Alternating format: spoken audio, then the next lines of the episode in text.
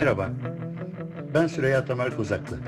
Buna böyle kısa dalgada Kaan Öz ile birlikte Yalancı Dokuz programında futbol yorumları yapacağız. Bekleriz.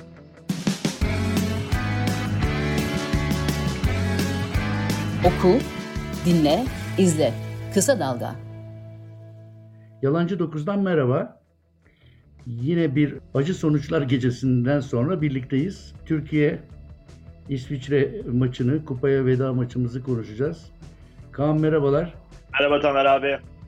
Nasıl giriş yapılır bu, bu maçtan sonra bilmiyorum ama yani aslında çok şey akla geliyor. Bazılarını insan söylemeye çekiniyor.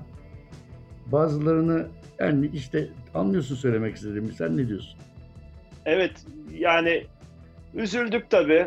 Hani hak etmedik diyemeyiz. Olması gereken gibi bir final oldu. Yani bu maçta turnuva boyunca süre gelen bütün eksikliklerimizin tavan yaptığı, diğer maçlarda yapmaya yapamadığımız bir takım şeyleri denediğimiz ama sonuç alamadığımız bir maç oldu. Nasıl başladıysak öyle bitirmiş olduk. Üzücü. Yani bulunduğumuz nokta itibariyle beklemediğimiz bir sonuçtu. Ama bakınca turnuvanın geneline bu, bu, bu sonuç sıfır puanla elenmemiş olmamız hak ettiğimiz bir sonuç olarak kayda geçti. Üzgünüz. Ben biraz da şöyle düşündüm. Üç maçın ortak noktası nedir diye. Bu maça kazanmak için çıkmışız. Geçen maça da beraberlikte olsa olur gibi çıkmışız. İlk maça fazla hasar almadan yenilelim diye çıkmışız gibi gözüküyor. Ama üçünün ortak noktası o değil. Bu maça kazanmak için çıkmışız ama üç maçın ortak noktası üç maçta da bir oyun planı yok. Arzular var, istekler var ama buna dair planlar yok. Nereden anlıyoruz? Bütün herkesin ağzında bir çok hayallerimiz vardı. Kırıldı. Hayalleri, hayal kırıklığına uğradık. Çok hayalimiz vardı, rüyalarımız vardı. Ama futbol hayal işi değil, plan işi. Planların planların gerçekleşmeyebilir, yine kaybedebilirsin. Ama bir Evet. akıl, akıl işi. Böyle akşamdan çok güzel hayal kur- kurarak ertesi gün maç kazanabileceğin bir şey değil futbol. Yani bu tabii hayallerimiz vardı derken ne demek istediğini anlıyorum ama ben de mecazi konuşmak istiyorum. Yani hayalle olmuyor işte. Ham hayal oluyor onlar. planlama işi dediğin gibi bu bir özveri işi. Maalesef biz bu turnuvada yani bazı bazı turnuvalar olur, bazı maçlar olur. Bir oyun planın yoktur ama sahaya yüreğini koyarsın. Sahaya kalbini koyarsın, o şekilde kazanırsın. Biz de maalesef bu turnuva boyunca ne aklımızı sahaya koyabildik, ne taktiğimizi, tekniğimizi sahaya koyabildik, ne de yüreğimizi yeterince sahaya koyabildiğimizi düşünüyorum. Üç maçta da e, karşımıza çıkan rakipler bizden daha istekliydiler, daha diriydiler, daha sert oynadılar. Biz maalesef önce dediğin gibi bu turnuvaya taktik olarak masaya hiçbir şey getiremedik. E, rakiplerimize karşı hiçbir cevap, bir çözüm bulamadık. Ve üstüne üstelik yeterince o her zaman bizim bu açığımızı kapatan, çünkü gerçekçi olmak gerekirse Türk futbolu hiçbir zaman işte taktik disipliniyle, taktik bilgisiyle öne çıkmış bir futbol ekolü değildi. Ama o farkı kapatan, e, o eksikliği kapatan zaman zaman yüreğimizle maalesef bu turnuvada yeterince sahaya koyamadık. Oyuncularımızda turnuvanın başından beri bence yalancı bir özgüven vardı. E, hatta kibire kaçan bir özgüvenli bir duruş vardı. Bu da maalesef işte teknik taktiğin dışında, fiziksel kondisyon hazırlığının dışında mental hazırlığı da hiç yapamamış olduğumuzun göstergesiydi. Çok kötü bir turnuva geçirdik. Gerçekten çok kötü bir turnuva geçirdik. Yani teknik taktik hazırlığın olmadığını anladık. Dediğin gibi yüreğimizde diyorsun, yüreği de koyamadık diyorsun. Yani motive de edilmemiş bir takım vardı karşımızda. Hatta bir takım ön yargılar kafasına gereksiz yere monte edilmiş bir takım.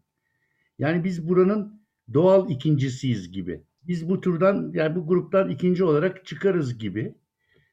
Şimdi buna işte hayal kırıklığı derken bunu kastediyorum. Buna özgüven de diyemiyorum aslında. Bu olsa olsa bir ham hayal olabilir. Üstelik turnuva koşullarında bir de futbolun şöyle bir güzelliği var. En küçük bir takım yani bir minik fare kükreyen bir aslanı iyi gününde sıkıştırabilir ve yenebilir. Futbol böyle bir oyundur. Kesinlikle. Buna da bir rezerv vermen lazım. Hemen örnek verelim. Almanya-Brezilya maçı o zaman yaşanmamalıydı değil mi? Dünya Kupası'ndaki maç. Yani 7 tane atabilir mi Almanya Brezilya'ya? Kimse inanamadı buna. Ama işte futbol öyle bir oyun. Bir an gelir Almanya Brezilya'ya 7 atar. Olur. Yani bu, o, o şeyi tanımak, futbol adamının işi onu tanımak, ona da bir pay ayırmak. Üstelik tecrübeli bir futbol adamının çok bileceği bir şey bu. Yine Brezilya'yı hatırlayalım değil mi? İki kez karşılaştık 2003'te, 2002'de. Evet. Fark bambaşka senaryolarla oynandı maç, maçlar. Yani hadi bu çocuklar genç ama turnuvanın en yaşlı teknik adamının bu tecrübesini kullanması gerekirdi diye düşünüyorum. Öyle. O zamanlar şu da vardı. O zamanlar bizim bu platformlarda çok fazla yer almamamızın getirdiği bir açlık da vardı o jenerasyonda. Senelerdir işte kupalardan, büyük turnuvalardan uzak kalmış bir jenerasyonun açlığı ve hırsı da vardı. E tabi orada bir takım momentumlar da vardı. Yani işte 2000 Avrupa Şampiyonası öncesi e, Galatasaray'ın Avrupa UEFA Kupası'nı kazanması, 2000 Avrupa Şampiyonası'nda bir çeyrek final ki o zamanlar hatırlarsın Avrupa Şampiyonası daha zor bir turnuvaydı. Daha az takımla oynanıyordu. Orada yaşanan bir çeyrek final. Üzerine 2002'de yine aynı oyuncu grubunun belli oyuncuların liderliğinde iyi bir momentum yakalanması, iyi bir jenerasyon yakalanması ve onların yanında da işte oyuncuların kendisine inandığı bir teknik direktörün varlığı orada yakalanan iyi bir kimya bize o turnuvada da üçüncülüğü getirmişti. Burada maalesef hem o oyuncu jenerasyonundaki bence o hırs, o, o amatör istek yoktu, o coşku yoktu. Aynı 2008 Avrupa Şampiyonası'nda da bu coşku vardı. Maalesef bu turnuvada o coşkuyu bulamadık. Oyuncularımızın üzerinde başında söylediğim gibi bence hafif kibirli bir duruş vardı. Ama oyunculara burada çok kızmak istemiyorum. Yani bence bu sonucun, e, bu turnuvadaki son, aldığımız sonucun e, sorumlusu benim için oyuncular değil. Bence burada eleştirilmesi gereken, e, sorgulanması gereken başka elementler var. Bu ta yani bunu şeye kadar gidebiliriz, başa kadar gidebiliriz. İşte bahsedilen bir takım primler var Avrupa Şampiyonası'na katılım için. İşte 10 milyon euro civarında. E, bunlar inanılmaz büyük paralar. Yani bunu hep söylüyoruz. Yani oyuncular tabii ki kazanmalılar. E, Almanya'nın özellikle büyük şampiyonluk primi değil. Evet Almanya'nın şampiyonluk primi yanlış hatırlamıyorsam 300 bin 500 bin euro civarında bir şeydi. Evet. Yani neredeyse sembolik sayılabilecek bir rakamdı. E zaten Alman oyuncuların oran alacakları, yani o düzeydeki oyuncuların oradan alacakları prime bir şeyleri de ihtiyaçları da yok. Yani onlar için başka bir başarı, başka bir duygu. Maalesef biz sanırım oradan yanlış yapmışız. Yani biz sadece turnuvaya katılıma, işte Finlandiya'nın, Macaristan'ın olduğu 24 takımlı bir turnuvaya katılıma 10 milyon euro gibi bir şey prim koyarsan başından zaten oyunculara hedefin ne olduğunu başından gösterirsin. Yani oyuncular turnuvanın katılmanın bir başarı olduğunu düşündüler. Öyle bir hava vardı yani hani burada bulunmuş olmak, temsil edilmiş olmak önemli gibi bir yaklaşım içerisindeydi. İtalya maçında yediğimiz birinci golden sonra bizim için turnuva bitti ve ondan sonra hiçbir anlamda geriye dönemedik. Bütün oynadığımız maçlarda bu mutlak kazanmamız gereken ya da en azından berabere kalmamız Galler maçında da, son İsviçre maçında da ne oyunların üstünlüğünü ele alabildik, ne daha iyi bir görüntü sergileyebildik, ne futbolun gerektirdiklerini yapabildik, e, gol pozisyonu üretebildik, ne etkili pres yapabildik, ne etkili savunma yapabildik maalesef hiçbir varlık gösteremeden turnuvayı bitirdik. E, maalesef bu turnuvada şöyle bir şey de oldu. Eskiden kötü oynadığımız turnuvalarda en azından bir iki oyuncu öne çıkabilirdi. En azından derdik ki turnuvayı kaybettik ama böyle bir oyuncu kazandık. Maalesef bu turnuvada öyle bir durum da gerçekleşmedi. Hatırlarsın 2016'da kötü bir turnuva geçirmiştik ama bir Emre Mor çıkmıştı. E, bir heyecan olmuştu. Bu turnuvada öyle bir oyuncu da ön plana çıkmadı. Bence oyun kurgusundan kaynaklı olarak e, oyuncuların veriminde çok altında gö- gerçekte gösterebilecekleri performansların çok altında performanslar gösterdiler. Yani her anlamdan kayıp bir turnuva geçirdik ve muhtemelen turnuva sonunda da yani hak ettiğimiz şekilde turnuvanın en az gol atan sıfır puan çekmiş taktik açısından oyun açısından en zayıf takım olarak maalesef hatırlanacağımız bir turnuva oldu. Tabii ki burada sorumluların e, şapkalarının önüne koyup e, düşünmesi gerekiyor bir iki istisna şeye not not düşmek isterim. Hani o, en azından bir mücadele sergilemesi açısından Mert Müldür bugün tek başına bir e, ne denir ona eskilerin deyişiyle haysiyet mücadelesi içerisinde gördük. Ve orijinal pozisyonun dışında onu da altını çizmek lazım. Evet, yani evet. ve e, herhalde milli takımımızın şimdiye kadar rakip kaleye attığı en etkili şutu da o attı. Ve kurtarılması çok zor bir şuttu. Kaleci çok büyük bir kalecilik yaparak topu kurtarabildi. Yani bunu iki tane şut attı. Yani bir de değil iki tane çok iyi şutu var. İki tane evet. Biraz da İrfan Can Kahveci ile Cengiz'e istisnai bir rol tanıyabilirim. Biraz mücadele ışığı sergiledikleri için. Ama doğrusu futbolcuları konuşmak yerine ben sana bir, bir, bir takım bugün kafama takılan sorular sormak istiyorum. Tabii ki. Gülüyorum. Ş- şöyle sürpriz yerlerden gelecek sorular çünkü. Şimdi mesela bu takımın futbol so- sorumlusu, bu takımın başındaki idarecinin Selim Soydan olması kabul edilebilir bir şey mi? Yani örneğin neden bir Hamit Altıntop değildir? Tabii ki tecrübe futbolda önemli bir şey ama zaten çok yaşlı bir hoca, hocası olan bir takımın futbol e, takımı sorumlusunun da belki bir kuşak, belki iki kuşak daha yaşlı olması yeterli değil mi? Şimdi geceliğin adamın dişi ağrısa Selim Soydan'ın kapısını çalamaz ya. Yani bu, bu, bu, bu, mesela bana garip gelen bir ilişki. Yani orada tabii bakmamız gereken Selim Soydan'ın gerçekte görev tanımının ne olduğu. Yani Selim Soydan aslında o söylediğim bütün işleri yapmakla yükümlü, yapmakla sorumlu yönetici olarak gözükebilir. Ama belki de altında 5-6 tane hani o görevi yapabilecek başka kişi vardır. Yani oradaki organizasyon yapısının veya görev dağılımının, görev tanımlarının ne olduğunu bilmeden e, çok bir yorum yapmam benim doğru olmaz. Ama söylediğin çok haklı bir nokta. Yani bunu herhalde çok farklı bir çerçevede tartışabiliriz. Yani Türkiye'de Ya Bütün kurumlar için geçerli. Bir şey söylemiyorum asla burada. evet evet Yani burada bütün kurumlar için geçerli. e, futbol sorusu, takım sorumlusu e, o çok kullanılan ve bana göre yanlış olan tırnak içerisinde abilik müessesesinin gerektiği tek yerdir aslında.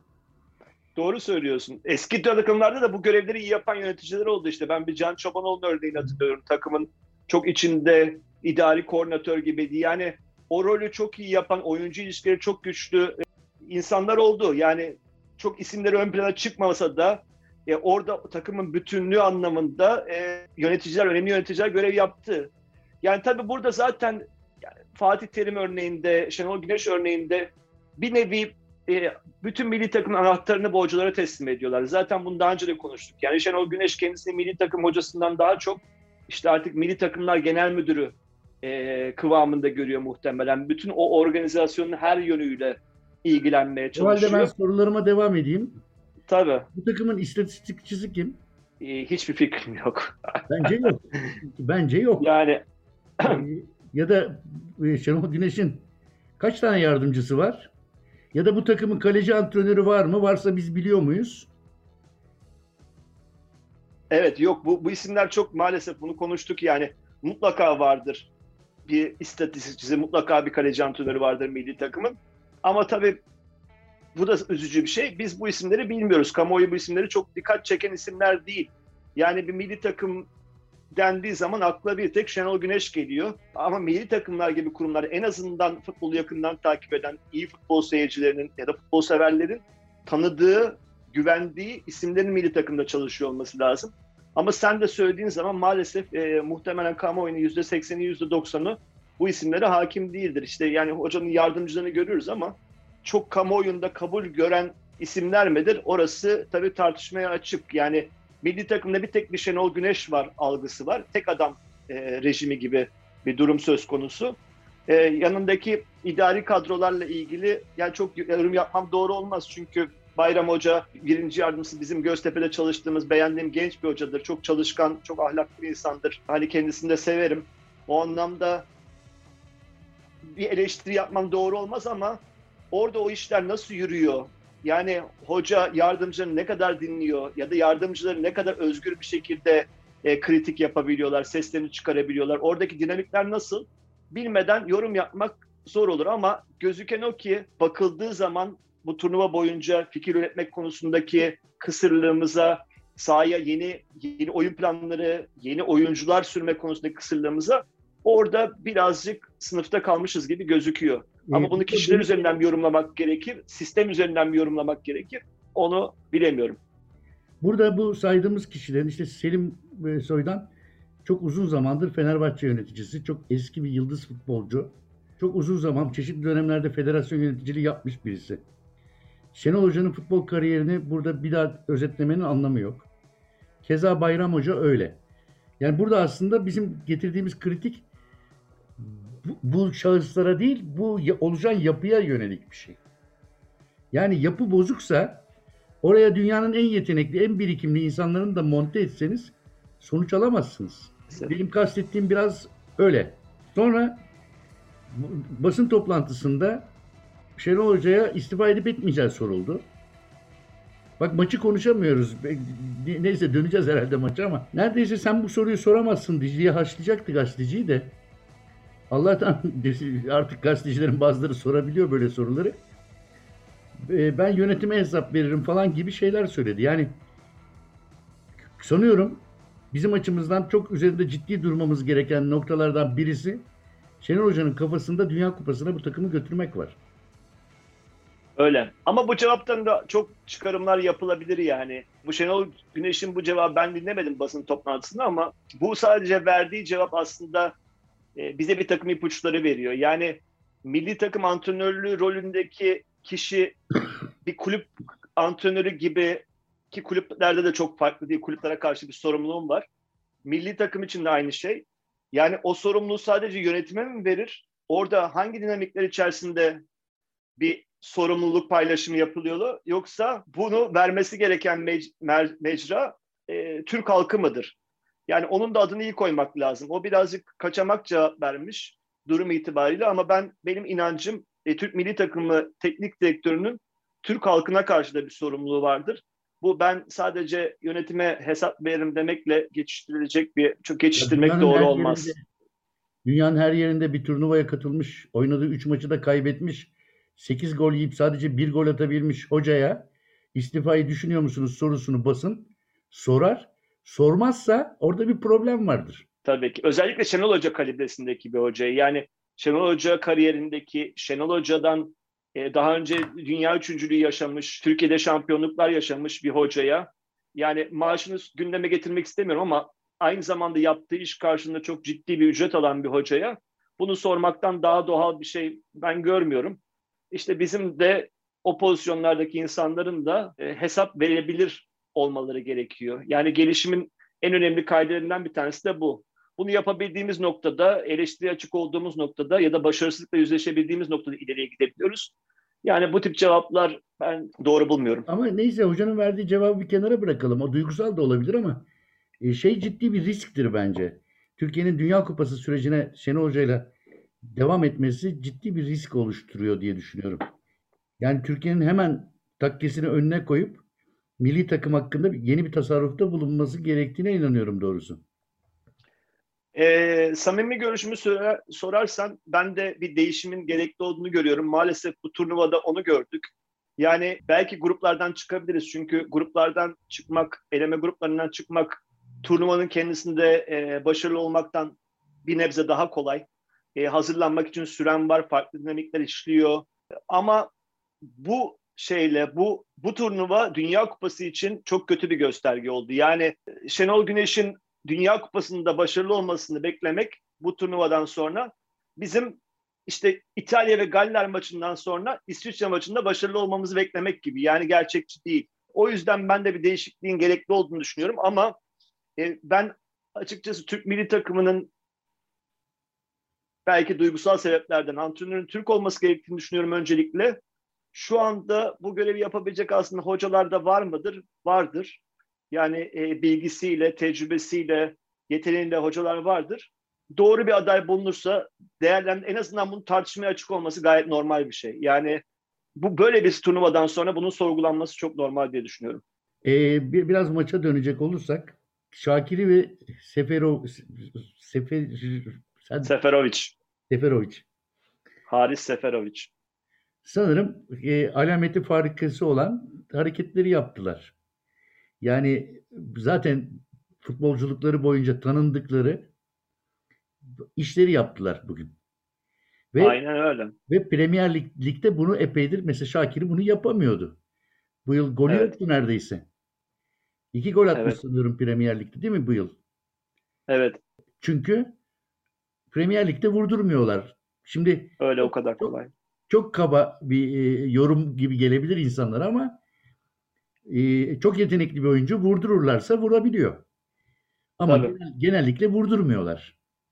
o seviyeye çıkmış, kendi ülkesinin milli takımında oynayan, defalarca farklı turnuvalarda oynamış hangi oyuncuya ceza sahasının yayından o kadar rahat şut vurdurursan karşılığında gol olmasını da bekleyebilirsin. Yani o, o pozisyonda o seviyedeki oyunculara o noktalardan o kadar kolay vuruş şansı tanımaman lazım. Vuruş şansını geçtim.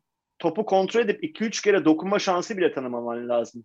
Öyle bir pozisyonda stoperlerin çok ileriye çıkıp oyuncuları çok daha erkenden bozması gerekiyordu. Maalesef bu maçta biz e, rakip takımın oyuncuları çok iyi gözüktü. Şakir'i uzun zaman sonra belki bir kariyerinde tekrar bir geri dönüş yaptığı bir maç oldu. Kariyerin en iyi maçlarından bir tanesini oynadı.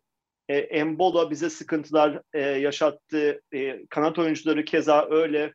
Yani her anlamıyla zaten İsviçre bizden daha iyi, daha organize bir takımdı. Ve bunu da bugün sahaya koydular. Biz tabii zaman zaman yine e, saman alevi gibi parladık, şeyler yapmaya çalıştık ama aynı zafiyetler, aynı oyun kurgusundaki eksiklikler bu maçın da sonucuna etki etti. Bir tek bu maçta farklı yaptığımız bir şey ona da değindik. Çok şut attık. O da muhtemelen ilk iki maçta pek kaleyi bulan şutumuz olmadığı için e, ve mutlaka artık turnuvayı golsüz bitirmek istemediğimizden dolayı çok şut çektik. Bir tanesi de zaten gol oldu bu şutlardan. E, en azından bir teselli golümüz oldu. E, onun dışında beni en çok üzen, yani maçın haricinde maçın ikinci yarısına çıktığımızdaki tepkisizlikti. Yani artık turnuva bitiyor. İki maçını kaybetmişsin. İlk yarıda geridesin. Bir tek 45 dakika var önünde ve milli takımımız 45 dakikaya zaten Şenol Güneş yaptığı bu turnuva boyunca yaptığı hatalara bir yenisini daha ekledi ya da yanlışlara. Diyeyim ikinci yarı hiçbir oyuncu değişikliği yapmadan çıktı. Benim için akıl almaz bir durumdu. Yani o, o görüntüdeki milli bir tak, milli takıma aynı oyuncu grubuyla ikinci yarıya çıkması e, akıl almaz bir durumdu. Zaten gole kadar milli takımın hiçbir ekstra şeyi olmadı. Attığımız gole kadar yani milli takımda oyunu çevirebilecek hiçbir görüntü olmadı. Maalesef o kısır oyun devam etti. İlk değişiklikler de çok ilginç bir şekilde attığımız golden hemen sonra geldi. Yani çok çok kötü bir turnuvaydı. Yani hem oyuncu kadro tercihlerinden başlayabiliriz. Bugün yine görüldü ki ilk başta kadroya çağrılan birçok oyuncu kullanılmadı. O zaman insan soruyor niye bu oyuncular çağrıldı? İşte sol bek pozisyonunda Umut Meraş'ın sakatlığı vardı. E, sol beyin yedeği kim? E, Rıdvan. E, Rıdvan bugün niye sahada yoktu da Mert Müldür sağ bekten sol beke devşirildi. Orta sahada kullanılmıyor. E, Abdülkadir alındı. Gole ihtiyacı var. E, kendi takımında 10 numara hücum oyuncusu o neredeydi? E, Kerem Aktürkoğlu neredeydi? Halil Dervişoğlu neredeydi? Yani Taylan Antalyalı neredeydi? Birçok oyuncu orta sahada bu kadar sıkıntı yaşadık. Ozan Tufan turnuva boyunca yoktu. Var mı? Yerine bir ta- Abdülkadir, Abdülkadir aynen Abdülkadir Ömür. Abdül, Abdülkadir Evet. Ömür. Yani orada başka bir oyuncu denenebilirdi ya da bir Taylan denenebilirdi. Ee, o, o, o pas bağlantısını yapmak için, oraya biraz dinamizm katmak için. Bu kadar aksiyon oyuncular varken yerlerine de bir oyuncu bulunamadı. Ee, geçen Galler maçında büyük sıkıntı yaşamış e, Kaan Ayhan'la yine başlandı. Oyun kurgusunda bir değişiklik yapılmadı. Beş maçta da aynı şeyleri yapıp farklı sonuçlar almayı uman bir milli takım vardı. E, Galler maçındaki kötü görüntüye rağmen yine ilk 11 3 aşağı 5 yukarı aynıydı. Yani çok enteresan, böyle çok akıl tutulması gibi bir turnuva geçirdik. Bugün E, zaten e, hocam ma- maçı maçı maçtan bahsederken maç dengede gidiyordu. Biz de atabilirdik ama onlar attılar diye özetledi mesela maçı. Bence hikaye öyle olmadı.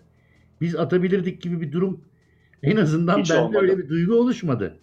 hiç oluşmadı. Yani maçın başından beri onların üstün olduğu, e, çok rahat kazandıkları. 2-1 attıktan sonra bile o kadar belliydi ki üçüncüyü yiyeceğimiz. Yani oyunun görüntüsü o değildi çünkü. İrfan Can kendi meziyetleri çapında e, daha önce attığı gollerin bir benzerini çok güzel bir gol attı ama o kadar. Yani uzaktan atılmış bir şutun, maçın başından beri dediğimiz bir tane şutun girmesi dışında oyun olarak hiçbir şey sahaya koyamadık. Yani olabilecek en çağ dışı oyunu oynadık. Sürekli Burak Yılmaz'a şişirilen toplar, orta saha oyuncularının e, hü- e, hücuma yeterince katkı verememesi, aynı zamanda defansa da yeterince katkı verememesi. Yani iki tane defansif özellikle orta sahayla oynuyorsun ve bu kadar arka tarafta e, boşluklar verebiliyorsun. O da akıl almaz bir şey. E, bu oyuncular hücuma da yeterince katkı veremiyor. Sürekli Burak Yılmaz'ı top şişirme, işte e, bazen e, Cengiz Ünder üzerinden bir şeyler yapma çabası. Ama çok e, tahmin edilebilir, öngörülebilir, önlem alınabilir ve e, üretkenliği az bir oyunla e, maalesef kaçınılmaz bir sondu. E, ve o şekilde de sonuçlandı. üzgünüz. Gerçekten üzgünüz. Yani hani çok konuşulur ama Bir kere top hakimiyetinde iddialı olabileceğimizi düşünmüştüm maçtan önce. evet. Top hakimiyetinde bir üstünlük sağlayamadık. Pas yüzdelerinde iki takım arasında kayda değer bir fark yok. Hatta Türkiye aleyhine bir fark var. En son ben %50-50 diye pardon pas yüzdelerini evet doğru haklısın karşı takımın daha evet üstünde. %50-50 oldu. Ee, halbuki yani kazan, Türkiye kazanmak istiyorsa İsviçre'ye karşı %60'ları zorlamalıydı diye düşünüyorum. Tabii. Gol teşebbüsünde onlar öndeler. Onların daha fazla gol girişimi var. Gol girişi var. Korn, kor- yüzde kor- daha yüksek. tabii korner sayısında bizden daha üstünler. Yani bence hiç Evet. tartışmasız bir şekilde sahanın hakimiydiler. Biz Samanale'ye gibi parladık ama onlar daha, da iyi takım. bir şey var. E, boş durmayıp boşa çalıştığı halde takım toplam koşu koşuları da bizden yüksek. Şimdi az önce Doğru. baktım rakam rakam vermekten hoşlanmıyorum ama Doğrudur. yani tabii İsviçre'nin de puana ihtiyacı var ve Tabii. ona göre de bir oyun planı var. Şimdi bugün e, Guardian gazetesinde şeye baktım. Türkiye İsviçre maçı öncesi şey yatırmışlar. Masaya yatırmışlar maçı. Türkiye'nin zayıf yanları diye. Güçlü yanları, zayıf yanları diye. Güçlü yanı olarak şeyden bahsediyorlar işte. Burak Yılmaz. Yani çok sağlam vuruşları olan bir santraforları var diyorlar. Güçsüz yan sol sol kanatları ne defansif ne de ofansif olarak çalışmıyor diyorlar. Yani en güçlü yanımız zaten Burak Yılmaz'sa bitmişiz demektir. Yani Evet, evet. o zaten özel en güçlü tarafımız Burak Yılmaz'sa Evet ama e, öteki tespit daha kritik bence. Defansif, ofansif olarak da sol kanatları çalışmıyor. Evet yani orada zaten sol bekten başlayan bir sıkıntı turnuva başından beri gözümüze çarptı. E, ana sol bek zaten yetersiz bulunuyordu. Sol bekin yedeği turnuva boyunca hiç oynamadı. Yani benim ilk defa gördüğümde Rıdvan demişken aklıma çok komik bir anı geldi. Biz Beşiktaş'ta oynuyoruz İstanbul'da. Ligin ikinci maçıydı galiba geçen sezon. Böyle sahada bir tane çocuk böyle, e, böyle top oynuyor. İşte maçtan önce ısınmalarda aralarında pas yapıyorlar. Ya şaşırdım ya böyle dedim herhalde yöneticilerden bir tanesinin oğlu ya da bir akrabası işte bir kıyak olsun diye sahaya çıkardılar ya da işte bir arada böyle bir kampanya gibi bir şey var. İşte bazen telefon şirketleri oyuncuları sahaya çıkarıyor. Gerçekten bir çocuk 13-14 yaşında. Sonra o çocuk Rıdvan Yılmaz'mış. E, Sonra yavaş yavaş kadroya girmeye başladı ama gerçekten ilk gördüğümde böyle bir süre inanamadım yani. Gidip sormak zorunda kaldım. İşte e, ısınmaları izliyordum saha içinde. Oradan aklıma geldi. O çocuk büyüdü. Fena da bir oyuncu olmayacak belki ama çok uzakta yani A milli takım seviyesinden. Dediğim gibi işte Umut Meraş, Rıdvan Yılmaz'da sol bek, Caner Erkin'i evde bıraktığım bir e, şey. Caner Erkin'i e, almama tercihi. Orada çok büyük eksiklik oldu. Kanatlarda bunu yine tartıştık. Yani bir Halil Akbunar nasıl alınmaz bu milli takıma? Bu kadar aksayan kanatlar olan bir milli takıma. Sadece Cengiz ve Kenan Karaman. Kenan Karaman da ofansif yönü çok sınırlı bir oyuncu. Sadece defansa yardımlarından dolayı yer buldu. Yani ofansif anlamda fikirsiz bir takımdık. Bir tek elimizde işte 36 yaşındaki e, Burak Yılmaz vardı. O da zaten muhtemelen enerjisinin büyük bir kısmını bu sezon harcadı Lille için. Ama ona rağmen bence elinden geleni vermeye çalışan bir görüntü içerisindeydi. Yani ona kızamıyorum. Çok yalnız kaldı e, dediğim gibi hücum e, fikirlerimizin çok sığ olduğu bir, bir, bir e, turnuva yaşadık. Maalesef bu da skorlara yansıdı. Yani gol atamadan bir gol atarak bitirdik. Programın adı, bizim programımızın adı. Öyle bir topçumuz yoktu mesela. Yok aynen. O aslında o Burak o topçu. Yani Burak yalancı dokuz gibi oynayan bir topçu. Yani birazcık daha arkada gezinerek oynayan e, Santrafor'un biraz arkasından o girişleri yaparak gol atan bir oyuncu. Burak'ı biz orada tek başına Bir o yaşında, o sıcaklarda koşturduk.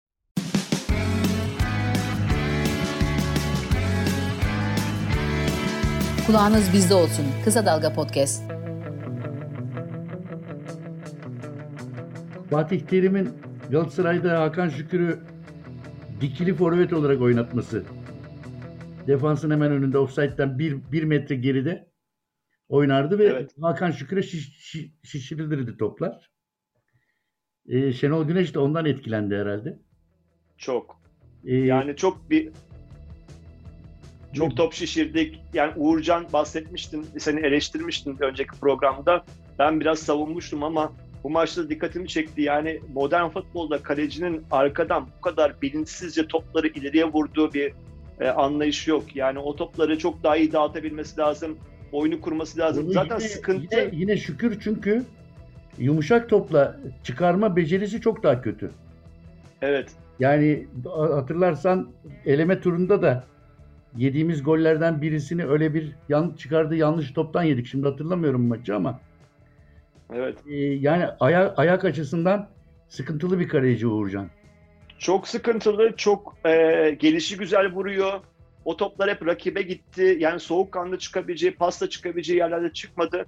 Maalesef stoperlerimiz de yani biz hiç güvenmemişiz stoperlerimize. Onlar da muhtemelen bunu hissettiler ve büyük bir özgüven sıkıntısı yaşadılar.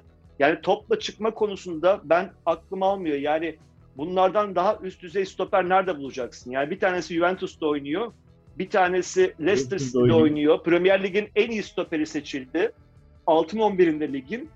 E, yedekleri Ozan Kabak Liverpool'da oynuyor. O da onu da anlamadım. Yani sakattı muhtemelen turnuva boyunca oynamadı ama yani bu aynı zamanda Kaan Ayhan da stoper oynayabiliyor. Yani iyi bir dört, stoper dörtlüsü ama bu kadar pasta çıkmaktan aciz içinde bir stoper dörtlüsü ve hep o yüzden onların arasında sokulması sokulacak bir işte ekstra bir oyuncu işte ya Okay Yokuşlu ya Kaan Ayhan hep orada bir şey yarattı. Yani biz, bizi hep eksik bıraktı orta sahada. Sürekli orta sahadan bir oyuncu stoperlerin arasına girip onların yapamadığı e, görevi yapmaya çalıştı. Bu da çok ilginç bir, dikkat çeken bir görüntüydü bizim adımıza negatif olarak. Valla Şenol Hoca da e, bizlerin Okay'da bir türlü göremediği ne tür bir yetenek, ne tür bir beceri gördüğü ayrıca tartışılır da e, orada bir varlık problemi var zaten. Hani zaten hızlı çıkamayan bir takım bir de araya sanki bir tane de yavaşlatıcı faktör koyayım gibi bir durum çık oluyor. Öyle bana öyle geliyor yani. Kesinlikle. Ya o söyledin zaten sen demin. Pas, pas oranı, top oynama oranı o kadar statik bir orta saha var ki diğer rakiplerle kıyaslandığında bu kadar çok pres yapan, bu kadar yüksek tempoda oynayan takımlara karşı o kadar statik bir orta sahayla e, çıkma imkanı yok zaten. Hiçbir oyun kurgusu yok. Yani gelecek baskı türüne göre e, nasıl bir dağılım yap, nasıl kayma yapılması gerektiği çok kötü çalışılmış. Bunların üzerine hiç gidilmemiş. Yani bu seviyede takımlar çok e, erken baskıyla, ileride baskıyla oynuyorlar. Biz he- hem o baskıyı kırmak için hiçbir çözüm üretemedik. O orta saha kaymalarını, işte e, oyuncuların alberlerini, ikiye birleri doğru yapamadık. Oyuncularımız yeterince mobil değildi. Ozan Tufan bence çok çok kötü bir turnuva geçirdi. Bugün de inanılmaz gözüme battı. Bir pozisyon var. Orta sahadan gelemiyor. Hücuma destek veremiyor. Ondan sonra top geri dönüyor. E adamın da orta sahada durduramıyor. Şakir'in tek başına alıp kaleciye karşı karşıya kaldığı bir pozisyon var. Yani o pozisyonun incelensin, Ozan Tufan orada bakılsın. O pozisyondaki bir orta saha oyuncusunun yapmaması gereken her şeyi yapıyor. Hücumsal anlamda ve defansif anlamda o kadar yanlış hareket ediyor Ama ki bir- o pozisyon Aynı pozisyonu düşünürken ben dedim ki Ozan burada şizofreni yaşadı. Yani tutucu bir oyuncu mudur? Forvet bir oyuncu mudur? Diye iki, iki karakteri arasında ka- kala kaldı. Evet çok kötüydü gerçekten bugün. Kendisinden beklenenleri yapamadığı gibi bazen kendi inisiyatifiyle bir patlama yaşar, yaşar, yaşarız Ozan'la. Onu da yapmadı. Evet. Onu da yapmadı. yapamadı. Bence birazcık duygusal olarak da baskı altında olduğu bir turnuvaydı. Şimdi çok transfer istiyor. Yaşı artık 25-26 son şansları Avrupa'ya çıkabilmek için. Bunu kendisini gö- tur- gösterme turnuvası olarak düşündü. Sonra sonuçlar kötü gittikçe o baskı da e, kendi kötü performansı onu iyice aşağıya çekti. İşte bu tip durumlarda zaten buna da tekrar değinmek istiyorum. Yani iki maçtır çok üzgünüz, çok üzgünüz. İtalya maçından sonra 48 saat kendimize gelemedik. Ya bu takımda yani antrenör ne yapar? E, ya da o yardımcı asistan ya da işte o destek ekibi ne yapar yani oyuncuların bu kadar mı yıkılması gerekiyor ilk maçtan sonra? Demin Yani İtalya birisi şeydi. Psikolojik training bir, bir birisi var mıdır takımda diye soracaktım. Hadi dedim o, o öyle. kaçar sormayayım. Yok aynen ya bu, bunları hep sorgulamak lazım tabii yani bunların hepsinin eksikliği göze çarptı. Ama işte bunları soracak yani kişiler yok. Bunlara cevap vermek istemeyen yöneticiler dolu. Öyle bir işte herkes kendi e, kafasında takılıyor maalesef. Ama bunların cevaplarının alınması önemli kamuoyu için. Yani bunlar önemli şeyler, önemli noktalar. Biz tabii şey yapacağız. Bundan sonra milli takımsız olarak turnuvayı takip edeceğiz. Evet. Ee, artık elemeler de yaklaşıyor. Yani eleme maçları da yaklaşıyor. Ee, eleme maçlarında şöyle bir sıkıntı oluşacak. Onu şimdiden izleyen arkadaşlara da, da paylaşalım. Futbol yorumculuğu yapmanın en riskli alanına girmiş olacağız. Çünkü herkes sizce kim kim geçer sorusuyla muhatap olacak. Valla bu birinci sırada turnuvayı birinci sırada bitiren bir tane sürpriz takım olacak gibi gözüküyor. Ki biz yorumlarımızda turnuvanın en kötü takımı dedik. İsveç'in turnuvayı grup birincisi olarak bitirme olasılığı var. İngiltere'nin yani buraya geçtim de ben sen maça devam etmek ister miydin bilmiyorum. Yok şöyle kapatayım yani turnuvanın en kötü takımı İsviçre kötü takım dedik. Evet gerçekten zayıf ama bizim kadar kötü değiller. Onu da söylemek lazım. Turnuvanın tartışması en kötü takımı bizdik bu turnuvada. Ben evet bir yandan içim burkuldu. Bugün de yine siyah giyerek üzüntümü birazcık e, görebilirsin. Gerçekten çok üzüldüm. Yani 3 maçta da televizyonun karşısından böyle kalkamadım bir süre. Dediğim gibi çok büyük beklentilerim vardı. Bir takımdan ümitlerim vardı. Birazcık belki naif bir şekilde yaklaştım ama daha iyi bir şeyler yapmamızı umuyordum, bekliyordum. E, elimizdeki kadronun bundan daha iyi bir şeyler yapabileceğine, iyi e, şeyler başarabileceğine inanıyordum. Üzüldüm tabii ama bir yandan da hani program açısından en azından birazcık şu içimizdeki kasveti atabileceğiz. Birazcık daha futbolu izleyeceğiz. E, milli takım bizi çok üzdü. Evet birazcık daha keyifli olacağız diye umuyorum. Birazcık daha keyifli sohbet edeceğiz. Biraz daha futbolun hafif tarafına bakacağız. Çünkü Türk futboluna baktığın zaman, Türk milli takımına baktığın zaman öyle pozitif konuşabilecek, keyifli konuşulabilecek hiçbir şey yoktu maalesef. Ben o anlamda birazcık e, mutluyum diyebilirim yani. Biraz tabii ki isterdim milli takımımızı yorumlamaya devam edelim ama en azından birazcık daha artık keyfini çıkararak e, bu kadar kasvet içerisinde seyretmeyeceğiz turnuvayı. Evet ama çok güçlü takımlar kalacak gibi gözüküyor. Şey e, şeyi söyleyecektim. İngiltere'nin İskoçya maçını böyle çok 0-0 bir maç bu kadar izlettirir mi kendisine? Bir maç oldu. Güzel maçtı. Fakat çok güzel maçtı. Şöyle bir aklıma bir cinlik de geldi. Biliyorsun İngiltere-İskoçya ilişkilerinde İskoçlar hep cesaretleriyle ve ataklıklarıyla öne çıkarken İngilizler cinlikleriyle ve arkadan iş çevirme özellikleriyle öne çıkarlar. Sanki İngiltere grup birincisi olmak istemiyor diye düşündüm. Çünkü grup birincisi olursa muhtemel rakibi Fransa ya da Almanya olacak. Ama e, grup ikincisi olursa büyük bir ihtimalle rakibi İsveç olacak gibi gözüküyor.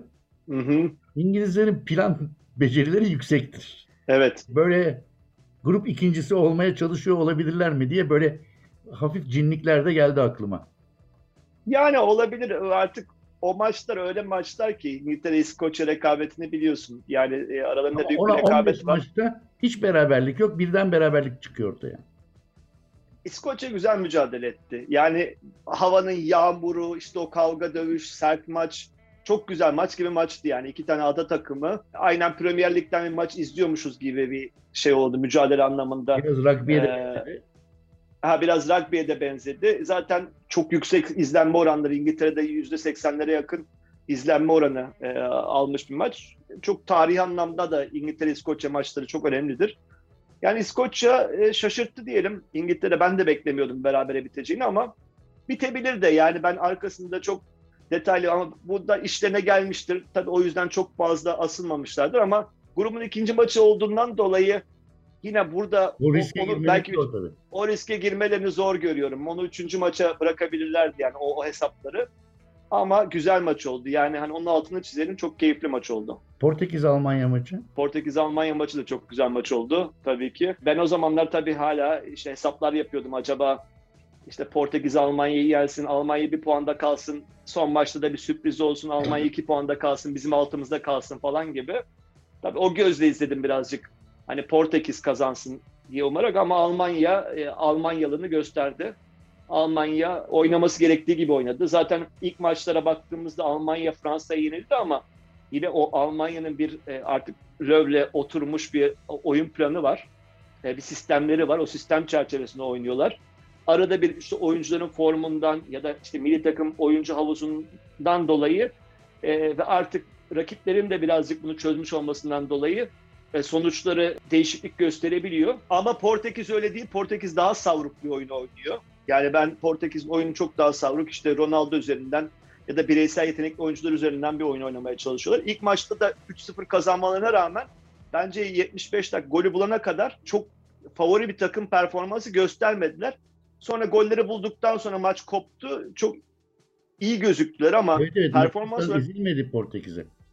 perform aynen Macaristan ezilmedi. Yani performans olarak baktığın zaman iki takım arasında zaten iyi olan Almanya'ydı ve Almanya Almanya gibi oynadı ve haklı bir galibiyet aldı sonuç olarak. Ama Bir de- güzel maç oldu. zaten bir mağlubiyetle başladığı için Almanya'nın iki kere mağlubiyetle devam etmesi mümkün değildi ve de tarihsel olarak da örneği yok. Aynen öyle. Ya, toparlar ya toparlar bir takım. Öyle. Yani ve şimdi bazı oyuncuları formda olmayınca hep aradan yeni oyuncular çıkabiliyor. Bu turnuvada ben işte son maçta Gosens'i çok beğendim. Ee, Robin Gosens At- At- Atalanta'da oynayan. O da enteresan işte bizim yapamadığımız yani bu oyuncu pek e, Almanya milli takımıyla özdeşleşmiş bir oyuncu değildir. Hani Almanya milli takımında sonucu değiştirecek oyuncular dediğin zaman aklına başka oyuncular gelir. Ama bu turnuva özelinde böyle bir oyuncunun çıkması ki geçen maçta da iyiydi, etkiliydi. O da bu ülkelerin ne kadar bazı şeyleri nasıl doğru yaptığını gösteriyor. İşte o yeni oyuncuları kazandırabilmek, o yeni e, hırslı oyuncuları, aç oyuncuları e, işte milli takımın içine koyabilmek bu anlamda önemli. Çünkü her turnuvada her oyuncundan o verimi alamayabiliyorsun. Biz bunu biz bunu yapamadık bu turnuvada maalesef. E, o grupta herhalde ikisi çıkacak. Üçüncüsü de en iyi üçüncülerden birisi olarak çıkacak diye tahmin ediyorum. Yani o, o gruptan üç takımın da gelebileceğini düşünüyorum. Muhtemelen 3 takım aynen. Muhtemelen 3 takım da çıkacaktır. E, diğer gruplarla ilgili böyle tek tek analizde bulunmadım ama gözüme çarpanlar bunlar. Yeni maçlar var tabii yarından itibaren. Orada neler olacak ona bakacağız. Mesela İskoçya gruptan çıkabilir mi, çıkamaz mı? İlginç. Hani Belçika grup birincisi olarak gelecek öyle anlaşılıyor. Şimdi bakıyordum Hırvatistan ve İskoçya son maçı oynuyorlar. Yani kazananın çıkacağı bir maç. Beraberlik ikisini de muhtemelen evde bırakacak. O yüzden o çok güzel olmaya aday bir maç. Hırvatistan Hırvatistan biraz biraz hayal kırıklığı olmadı mı sende? Hani daha çok beklentimiz vardı sanki Hırvatistan'la ilgili. E tabii ki son Dünya Kupası'nın, son büyük turnuvanın finalisti bir takımdan bahsediyoruz. Tabii ki beklentiniz vardı ama yani ben Hırvat futbolunun hafiften düşüşe geçtiğini görebiliyorum. Yani o, o sebeplerini çok iyi bilemiyorum ama orada da bir yorgunluk var. İşte Perisic'lerin, e, Modric'lerin götürdüğü bir jenerasyon. Çok fazla işte şimdiden ne olmalar geliyor. Bir takım oyuncular var ama o geçiş şu anda çok o bir, bir takımın üzerinde bir atıllık var yani. Hırvat şeyinde milli takımında bir genel olarak performans düşüklüğü gözüküyor. Ama belli olmaz. Yani yine kaliteli oyuncuları var. iyi stoperleri var. E, orta sahalarında bir maestro var. E, iyi hücum oyuncuları var. Etkili kanat oyuncuları var. Yine belli olmaz yani. İskoçya'yı yenerlerse bir sonraki turlarda herkes de inebilecek bir takım yani. Ama baktığınız zaman genel performans olarak evet bir hayal kırıklığı diyebiliriz. Yani bir de e, Türkiye'de eskiden beri Hırvat hocaların ya da eski Yugoslavya coğrafyasındaki hocaların çalıştırmasından ve çok sayıda özellikle bizim kuşağın çok sayıda Yugoslavya tırnak içerisinde kökenli son örneklerinden birisi de işte Hırvatistan kökenli Hacı mesela. E, Baliçler, Boliçler ve benzeri. Futbola yatkın olmaktan dolayı Balkan futboluna karşı özel bir ilgimiz, sempatimiz vardır. Biraz da kendi futbolumuz keşke biraz Balkan futboluna benzese diye düşünürüz. Hatta biraz da işte bu Sakarya, Kocaeli hattındaki takımlar Bolu, eski Bolu Spor biraz Balkan futbolu gibi oynarlardı zamanda. Yağmur da müsait iklim olarak. Ee, Zaten göçmenlerin çok yaşadığı yerler o söylediğim Yerler. yerlerde yani. Balkan göçmeni nüfusunun fazla olduğu yerler. Evet, e, öyle bir nostaljik yanı da var benim için. Yani böyle Hırvatistan'ı, Slovakya'yı, Sırbistan'ı falan daha bir beklentiyle izliyorum maçlarda nedense.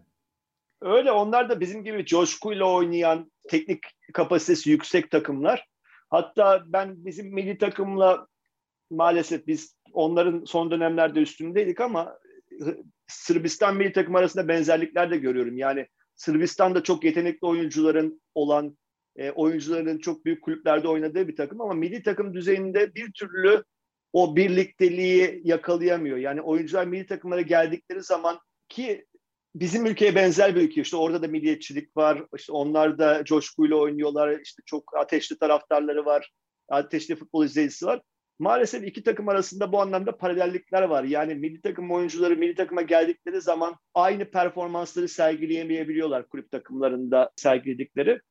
Bugün maç izlerken de hep onu düşündüm. Ya biz dedim Sırbistan'la çok benziyoruz. Yani çok kaliteli oyuncularımız var ama o kaliteyi bir türlü milli takım düzeyinde çoğu zaman istediğimiz kadar sahaya koyamıyoruz. Ancak özel durumlar olması lazım. İşte özel hoca performansları olması lazım.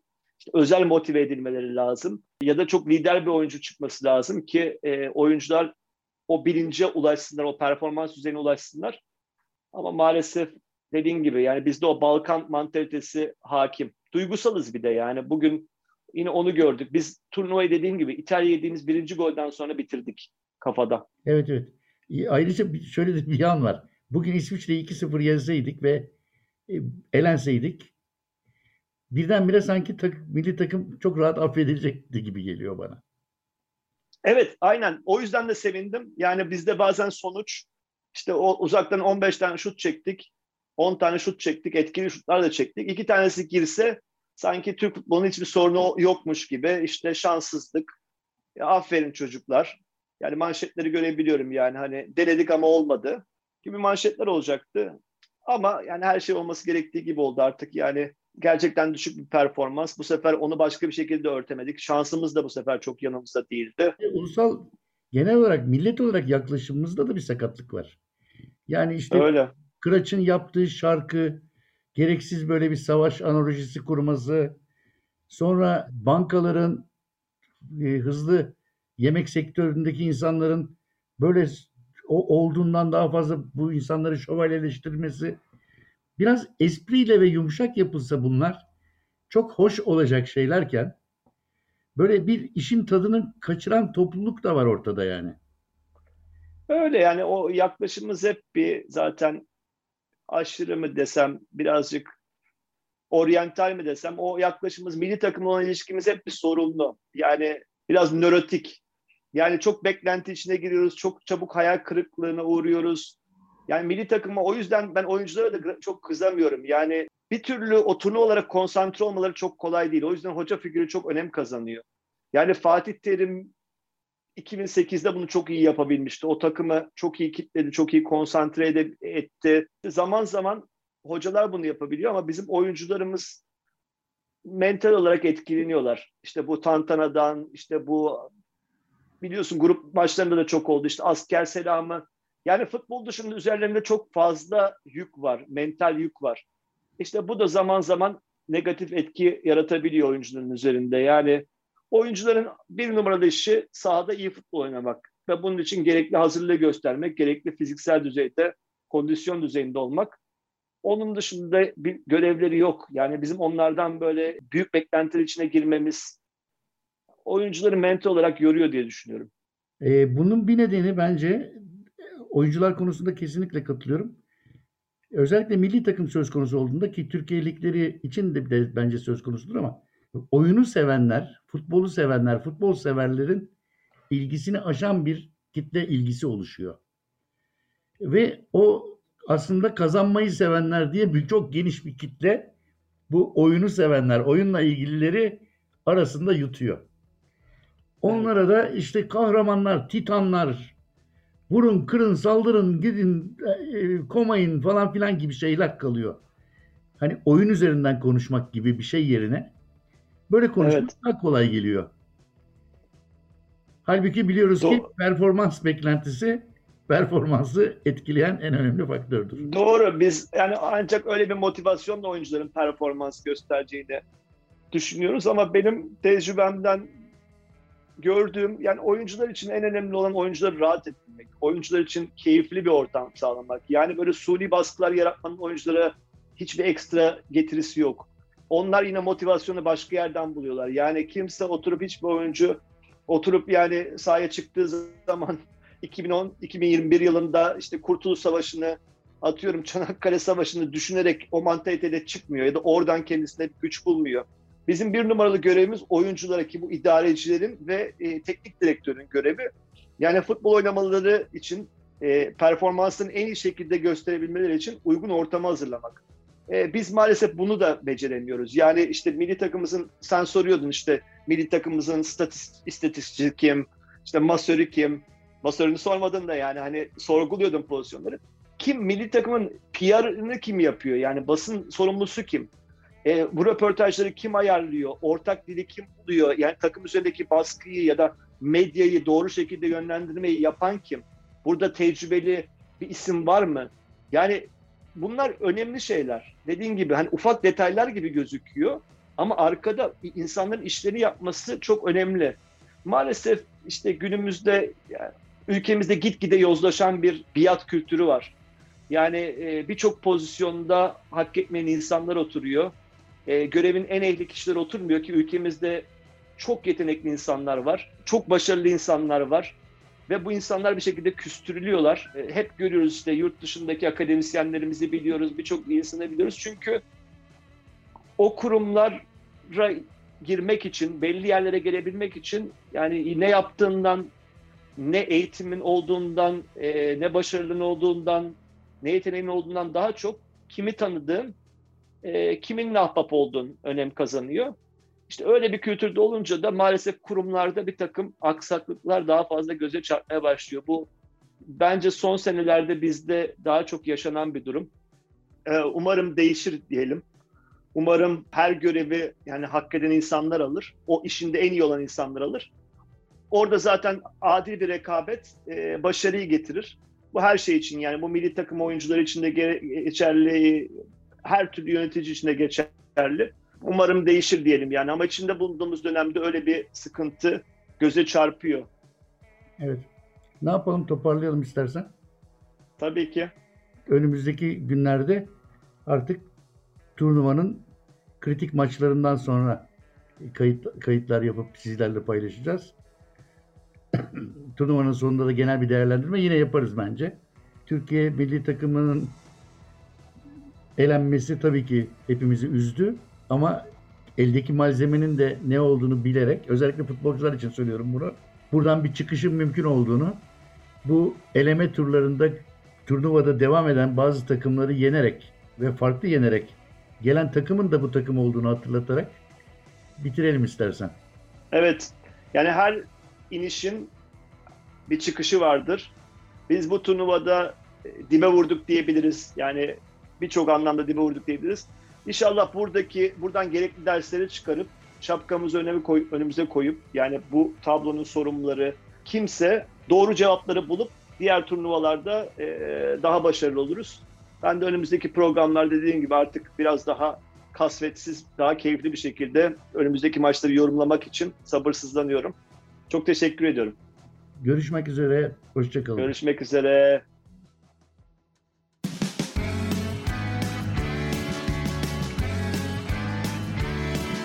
Kulağınız bizde olsun. Kısa Dalga Podcast.